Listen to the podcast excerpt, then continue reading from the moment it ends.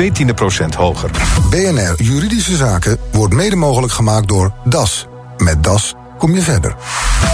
BNR Nieuwsradio. BNR Juridische Zaken. Paul van Liemt. Killerrobots. Mensenrechtenorganisaties maken zich sterk voor een algeheel verbod. En de VN buigt zich deze week over de vraag of zo'n verbod ook wenselijk en haalbaar is. Juridisch geweten Nelke van der Heijden. Waarom zijn verschillende NGO's zo fel gekant tegen killerrobots? Nou, ze vrezen dat mensen er niet meer aan te pas komen bij deze autonome wapensystemen, zoals de killerrobots ook wel worden genoemd. En dat betekent geen compassie, geen genuanceerde afweging voordat er tot moorden wordt overgegaan. Nou, Human Rights Watch kwam eind vorige week met een rapport over deze robots. Wat was de conclusie? Ja, dat is handig getimed, omdat deze week in Genève de VN zich buigt over de killer robots. Uh, Human Rights Watch stelt dat de menselijke controle in het geding is en dat er daarom een algeheel verbod zou moeten komen. Ze vrezen dat de killer robots zich over de wereld verspreiden en dat er geen houden aan is. En ze stellen dat het in strijd met de wet is? Ja, ze dragen de Martens Clause aan, een clausule in het internationale recht. En uh, die clausule stelt dat de opkomende technologie beoordeeld moet worden op grond van principes van de mensheid en het publieke geweten. Nou, eerder zijn blindmakende lezers ook op basis van deze clausule verboden. En Human Rights Watch hoopt dus hiermee een handvat te hebben om uh, tot een verbod van, op killer robots te komen. Dankjewel, Nelleke. En vandaag een panel van robot, of kan ik misschien beter zeggen, autonome wapensysteemexperts. Met Rob van der Hoven van Genderen. Hij is universitair docent internet en robotrecht aan de VUR Amsterdam. En Mark Roorda, promovendus oorlogsrecht aan de Universiteit van Amsterdam. Heren, welkom. Nou, ik begin met uh, Mark Roorda, want uh, om Human Rights Watch uh, meteen maar alle hoop te ontnemen, die, die clausule die levert geen verbod of, of heel misschien toch wel? Um, nee, ik denk dat een, een algeheel verbod onrealistisch en ook onnodig is. Waarom?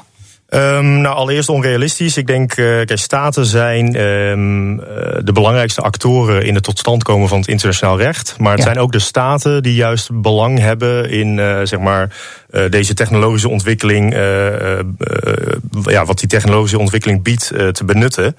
En zeker als het gaat om oorlogvoering zijn de belangen natuurlijk over het algemeen groot. Dus die grote, vooral grote en machtige staten zullen niet zo snel zichzelf willen beperken of beperkingen opleggen. Nee, maar dat ligt ook voor de hand, zou ik bijna zeggen. Maar je zou kunnen zeggen, probeer dan alles te doen om het toch tegen te houden. Dus probeer in ieder geval zo'n verbod te creëren, zelfs als ze zich er niet aan gaan houden. Um, dat denk ik niet. Kijk, wat een ander probleem is, is dat uh, de definitie uh, totaal uh, onduidelijk is. Dus op dit moment vindt er veel debat plaats in Genève inderdaad. En een groot deel van het debat gaat over wat is nou eigenlijk een killer robot? Of zoals het daar wordt genoemd, een autonomous weapon system of lethal autonomous weapon system. Ja, dat is ook nog een kwestie van definitie natuurlijk. Het is een hele grote definitie van, van grote kwestie van definities. Dat is juist het hete hangijs op dit moment, omdat eigenlijk alle actoren een ander beeld hebben, een andere connotatie hebben, een andere definitie hebben. Wow, van... laten we straks over deze connotatie en definities gaan ja. praten. Maar eerst even kijken of twee experts het allebei mee eens zijn. Rob van de Hoven van Genderen. Valt er iets voor een verbod te zeggen? Of vindt u wat ook onzin, dat verbod? Nou, een, uh, laten we zeggen, een uh, genuanceerde opstelling is nooit weg. Uh, nee, natuurlijk. Dus, nee, heerlijk, maar fantastisch. Een, een, een, verbod, een algemeen verbod, zoals Mark ook al zegt uh, dat is uh, met een, uh, een hele grote hark, die absoluut niet realistisch is. Nee. En de grote staten zullen zich daar ook niks van aantrekken, zoals Amerika, Rusland. Maar Human Rights, volgens mij zeggen druk over de Verenigde Naties, stoppen daar heel veel tijd en geld in, allemaal van niks. Nou, dat valt wel mee hoor, want dit is, dit is wel. Oh, ja. het, het, is een, een, een, de VN stelt zich nu ook op als gast voor een panel. Het is dus absoluut niet zo dat de Verenigde Naties zich nu hier gaat over gaat uitspreken. Ja, maar dat is interessant. Dus de VN stelt zich als gast op en de VN ja. weet ook al waarschijnlijk, net als jullie, dat het niks gaat opleveren. Maar is gastheer uh, ja, en dus. Uh, nee, die, die, weet dat natuurlijk niet. Uh, maar ik ben in het verleden bezig gehouden met een definitie van terrorisme. Is na 50 jaar ook nog nooit een vaste definitie uitgekomen. Hier zal ook absoluut geen vaste definitie nee. uit, uit voortkomen. En bovendien, het, het, is niet alleen de definitie van het wapentuig wat ontwikkeld wordt. Nee. het is ook het mag, je ont, mag je ze wel ontwikkelen en niet gebruiken? Of, of hebben we het alleen maar over het gebruik? En hebben we het over menselijke controle? Nou, zullen we eerst beginnen met, met de vraag: mag je ze wel ontwikkelen, maar niet gebruiken? Dat, is dat geen, geen, geen onzinnige vraag als ik er zelf het antwoord op mag geven? Nou, Omdat ja, ook al als het oorlog is, ga je ze ja, gebruiken. Precies, natuurlijk. het is een volstrekt onzinnige vraag, maar gegarandeerd dat dit eruit komt. Er komt, er komt iets uit als uh, een non-proliferatieverdrag. Net als met kernwapens. Kern, precies, ja. net als met kernwapens. Dat betekent, wij machtigen landen mogen ze ontwikkelen en gebruiken. En jullie moeten je kop houden en mogen hier verder niet meegaan met de ontwikkeling. En uh, dat, dat gaat er gewoon gebeuren over tien jaar hoor. Want er wordt tien jaar over gesproken. De komende tien jaar wordt hierover gesproken. Ja. De eerstkomende vijf jaar wordt over definities gesproken. En daarna over het gebruik. En zullen wij vast een voorschotje nemen op die definities? Want daar begint het dan mee. Dat was ik helemaal even vergeten. Maar inderdaad, na 50 jaar is er nog geen uh, heel heldere definitie, eenduidige definitie van terrorisme. Dus van killer robots weten we ook nog niet precies wat het is. Wat denken we nu, uh, Mark Roorde? Wat, is, wat valt nu onder de definitie? Wat is een killer robot? Um, een definitie die veel gehanteerd wordt, is dat het uh, doelen zelfstandig selecteert en aanvalt zonder eigenlijk menselijke tussenkomst. Ja. Um, het probleem ja. bij een dergelijke definitie is dat uh, daar ook bestaande wapensystemen onder zouden kunnen vallen. Um, ik denk dat, eerlijk gezegd, we de term totaal los zouden moeten laten. Dus de term autonome wapensystemen loslaten. Juist vanwege de moeilijkheden die het met zich meebrengt. En Iedereen killer robot ook maar loslaten. Killer robot sowieso. Dus dat is heeft deze uitzending helemaal geen zin. Uh, dat ze nu, nou, killer robots is eigenlijk een hele tendentieuze term. En dat is in het leven geroepen om, laten we zeggen, het, het, de issue te agenderen. Dat is goed de angst ook aan te wakkeren. De angst aan te wakkeren, inderdaad. Om er een, om er een issue van te maken waarover gesproken moet worden. Een beetje marketingterm. Nou, dat is goed gelukt. Uh, alleen nu zijn we inmiddels een stap verder. En zouden dus inderdaad, laten we zeggen, wat concreter en dieper op de inhoud in moeten gaan. En dan zou ik pleiten voor het loslaten van de term autonome wapensysteem om twee redenen. Uh, ten eerste heeft iedereen een ander beeld bij wat autonomie eigenlijk is. Ja. Daar bestaat ook geen eenduidige uh, definitie nee. van. En, en ex experts zijn het daar uh, ook zeker niet over eens. En het tweede is dat um, de term autonoom wapensysteem focust natuurlijk heel erg op het systeem. het wapensysteem aan zich.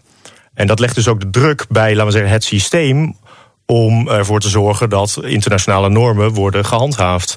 Terwijl het systeem eigenlijk maar een middeltje is, wat helemaal op het einde van een veel breder besluitvormingsproces zit. Wat eigenlijk maar een middeltje is dat de, de, de tactische uitvoering doet. Dus een andere term bedenken, Rob van Hoven daarmee eens. Uh, in ieder geval uh, geen killer robot meer noemen, maar iets anders, een andere nou, naam geven. Het, het, het, interessante is dat uh, in, in april is er een, een rapport. Het, het, valt ook onder conventionele bewapening. Dit is een conventionele bewapeningsconferentie. ja. Uh, nou, zo conventioneel is dit natuurlijk niet. Maar nee. als je dan dat rapport leest, 77 pagina's, uh, zijn autonome wapensystemen zijn maar een heel klein stukje. Er zijn nog veel engere wapens die allemaal besproken worden.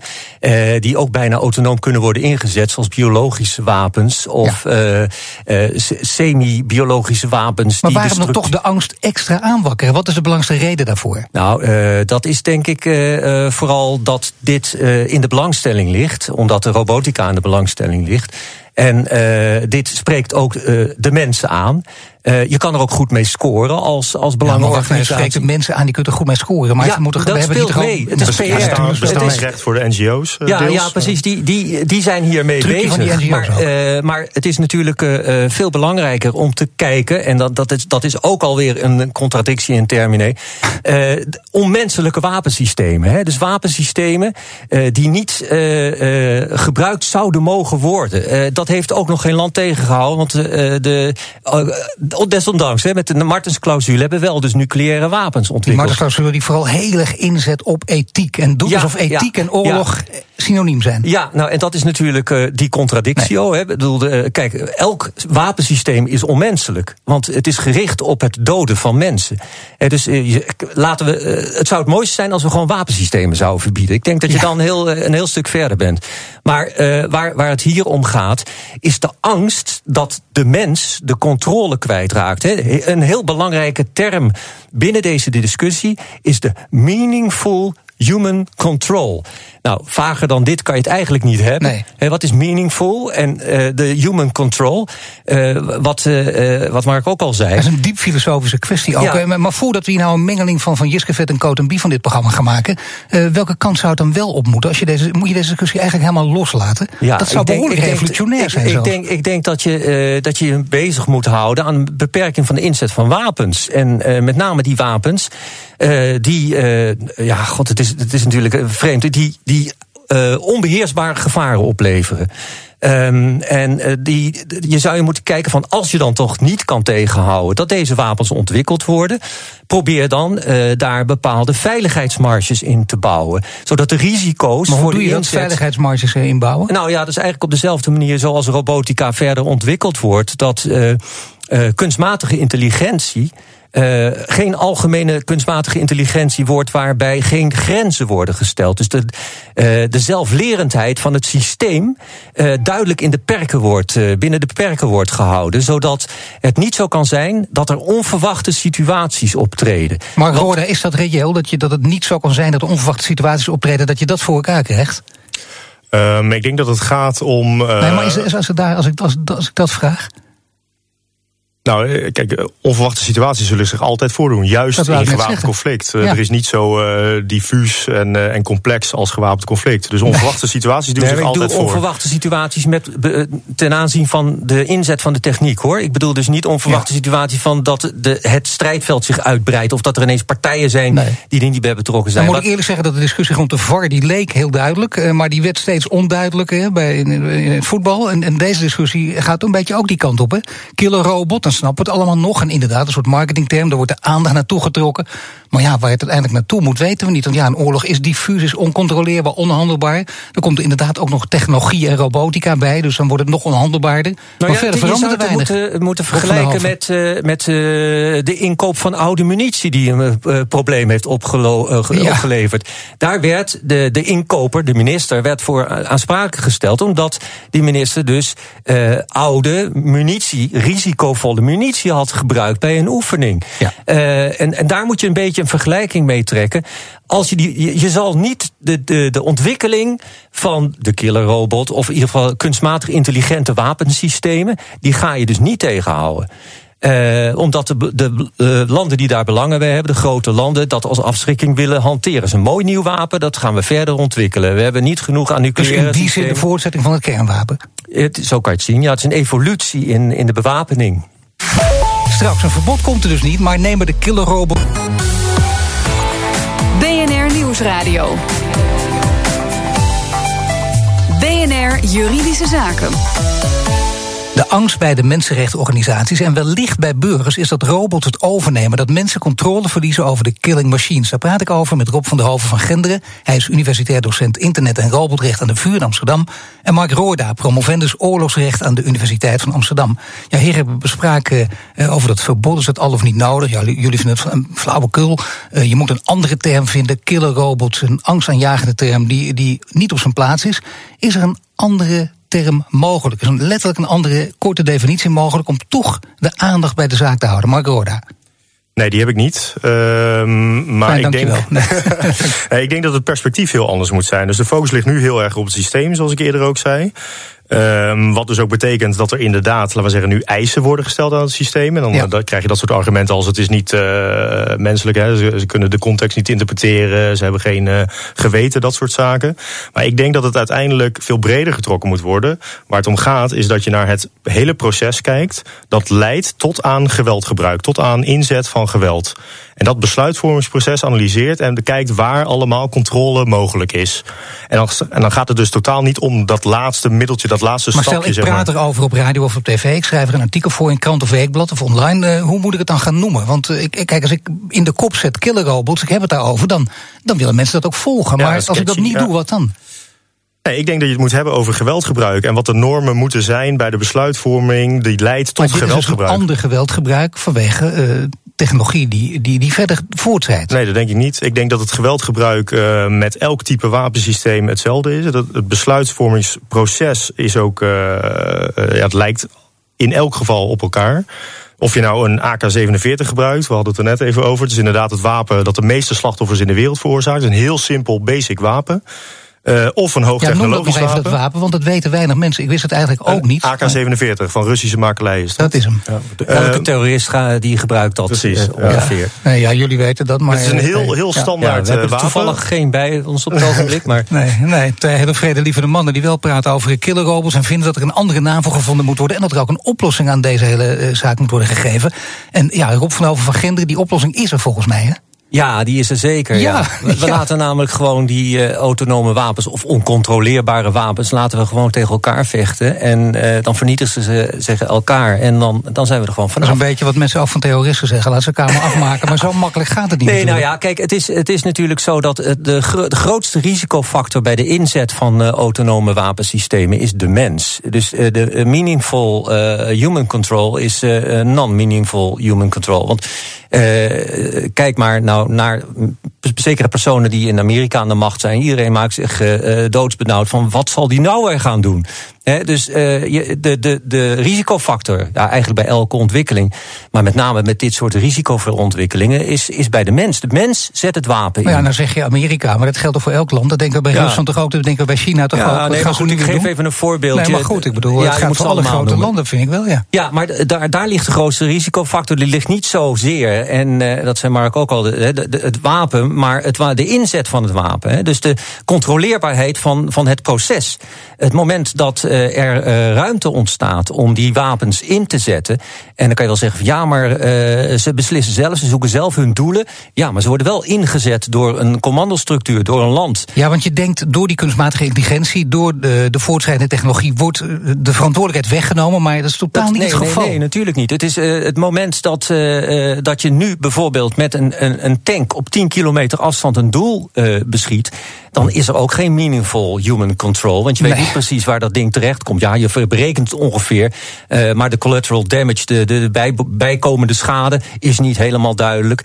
Je zou zelfs kunnen zeggen, en dat is ook argumentatie natuurlijk van het gebruik van semi-intelligente wapens, uh, die voorgeprogrammeerd zijn, zoals, zoals drones, uh, dat je veel, meer, veel preciezer je doel kan raken en zo weinig mogelijk bijkomende schade veroorzaken. Maar mag ik een voorbeeld geven? Stel, China en Amerika raken in oorlog, zetten allebei deze killerrobots in, die dus niet bestaan maar laten we maar zeggen met een andere definitie.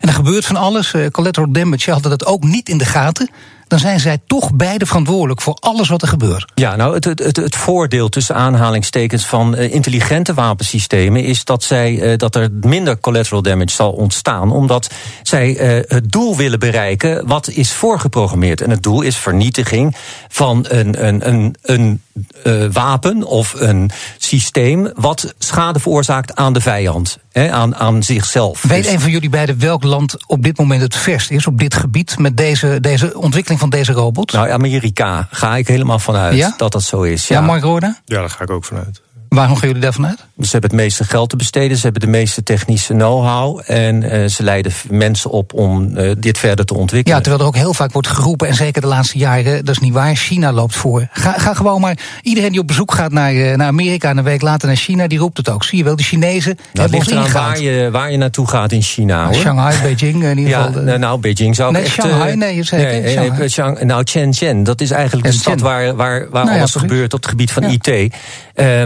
maar, uh, en dat, dat is heel interessant, maar goed, daar hebben we het later nog wel een keer over. Nee, maar dat gaat niet, ja. nou ja, misschien in, in dit kader toch, uh, gaat het daar juist in die stad niet verder dan in alle andere Amerikaanse steden? Nou, dan ook dan in Silicon Valley?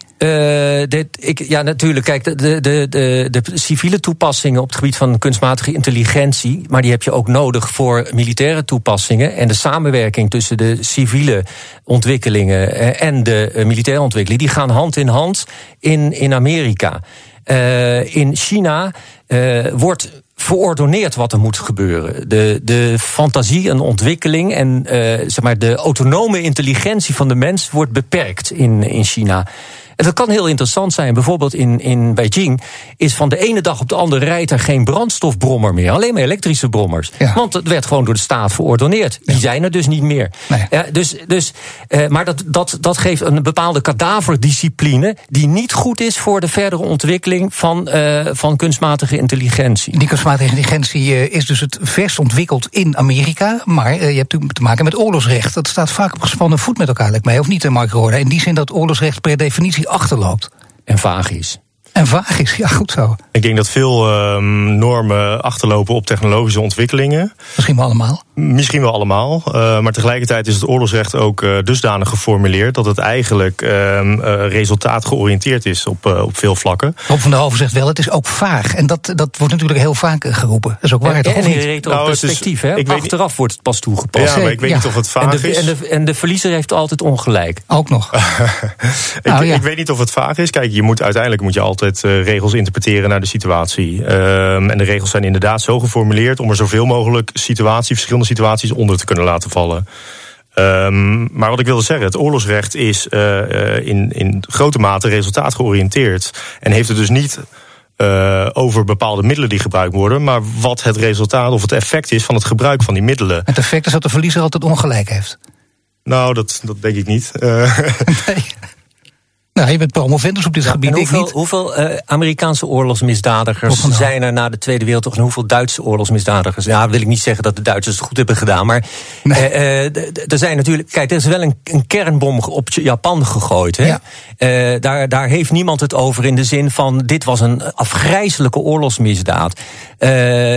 Dresden is plat gebombardeerd door de geallieerden. Met ongelooflijke vuurzee. Terwijl Duitsland eigenlijk al op zijn gat lag. En er was daar geen industrie. Nou, industrie. Ja, dit is een thema waar je geloof ik in zes uitzendingen zomergasten ja. niet eens aan toe komt. Dus laten we, laten we hier even als voorbeeld. als voorbeeld, maar laten we hier dan nog meteen bij afsluiten. Ik dank de heren Mark Roorda, promovendus oorlogsrecht aan de Universiteit van Amsterdam. En Rob van den Hoven van Genderen, universitair docent internet en robotrecht aan de VU. BNR Nieuwsradio. BNR Juridische Zaken. Stel je wordt aangereden, schade aan je auto zonder dat jij er iets aan komt doen. Mag de verzekeraar van de aansprakelijke partij je auto dan in de verkoop doen? Het verslag is van Nelke van der Heijden. André, je bent een tijdje terug van achteren aangereden toen er uh, opeens file ontstond. En dat heeft voor flink wat schade gezorgd. Hoe, is dat toen verder gelopen? De verzekeringsmaatschappij van de tegenpartij erkent dat ik geen schuld had. De auto is afgevoerd, is naar een door de verzekeringsmaatschappij van de tegenpartij aangewezen reparatiebedrijf gebracht. Nou, de schade was minder dan de dagwaarde. Dus ik ging ervan uit dat hij voor dat bedrag gerepareerd zou kunnen worden. Maar uh, wat de verzekeringsmaatschappij van de tegenpartij deed, was de auto aanbieden op een site uh, met opkopers. Daar kwam een bod op. Daarop is die auto naar die opkoper gegaan. Ik heb het bedrag gekregen van uh, wat de opkoper ervoor betaald heeft, plus het verschil zodat ik in totaal de dagwaarde gekregen heb. Alleen ik was mijn auto kwijt. Ja, wel en auto kwijt. Ja, ik had hem veel liever gerepareerd gezien. Ja, waarom is dat, uh, want je zat dus met de kosten onder de dagwaarde, waarom is dat niet gebeurd? Waarom is de auto niet gerepareerd? Omdat dit blijkbaar een gangbare praktijk is bij verzekeringsmaatschappijen. Ja, dus je hebt zelf helemaal niets meer over te zeggen wat er met je auto gebeurt? Nee. Nou, dat lijkt me niet helemaal goed voelen. Nee, dat klopt. En daarom heb ik Bond van Verzekeraars benaderd. Ze zeiden dat dit gebruikelijk was. Omdat ik dat vreemd vond, heb ik de AFM als toezichthouder benaderd. Twee keer uh, daarover gemaild. Ik heb daar nooit antwoord op gekregen. Dus wat nu, toch maar erbij neerleggen? Nee, het, het voelt niet goed, wat u al zei. En, daarom heb ik jullie ook benaderd uh, met de vraag van... is dit uh, juridisch gezien correct? Is er een wettelijke basis voor deze praktijk van de verzekeringsmaatschappijen? Mildred Brun van Beer Advocaten. Is er nou juist gehandeld? Dat vraagt André zich af. Mocht de verzekeraar doen wat hij heeft gedaan? Het lijkt er wel op dat de verzekeraar in zijn geval juist heeft gehandeld. Ik weet niet om wat voor auto het bij André ging. Maar stel dat het ging om een Renault Twingo. Die voor het ongeval een waarde had van 5000 euro. En na het ongeval nog maar een restwaarde had van 2000 euro. Dan zit daartussen een verschil van 3000 euro. Als de reparatiekosten dan 3000 euro zijn, dan zal de verzekeraar de reparatiekosten betalen. Zijn die kosten hoger dan 3000 euro, dan wordt de auto economisch totaal los verklaard. Wat er dan gebeurt is dat de restanten van de auto worden verkocht aan een opkoper, die in deze situatie dan 2000 euro betaalt. En dat bedrag wordt ook doorbetaald aan André. En het restant 3000 euro, dat wordt dan door de verzekeraar vergoed. Ja, je moet dus voor dat bedrag eenzelfde soort auto kunnen kopen. Gebeurt het ook wel eens dat er toch te weinig betaald wordt? Ja, het komt wel eens voor dat het bedrag te laag is. En dat je geen Renault Twingo er meer van kan kopen, maar alleen een Suzuki Alto. Wat je kan doen is om een contra-expertise vragen. En soms betaalt de verzekeraar van de aansprakelijke partij die. Of je kan bijvoorbeeld gegevens verzamelen van Marktplaats of Autotrek, waaruit dan volgt dat je geen vergelijkbare auto kan kopen. En als je daar meer over wil weten, op de website van de Consumentenbond staat ook een voorbeeldbrief en wat tips over wat te doen als de schade te laag wordt vastgesteld. Maar André moet toch leren leven met de situatie zoals die is. Daar lijkt het helaas wel op. Dat zei advocaat Mildred Brun in een verslag van Nelke van der Heijden. Heeft u ook een juridische vraag? Mail hem naar juridischezaken.bnr.nl. Dit was de uitzending van vandaag. U kunt de show terugluisteren via bnr.nl slash juridische zaken. Mijn naam is Paul van Diemt. Tot de volgende zitting. BNR Juridische Zaken wordt mede mogelijk gemaakt door DAS.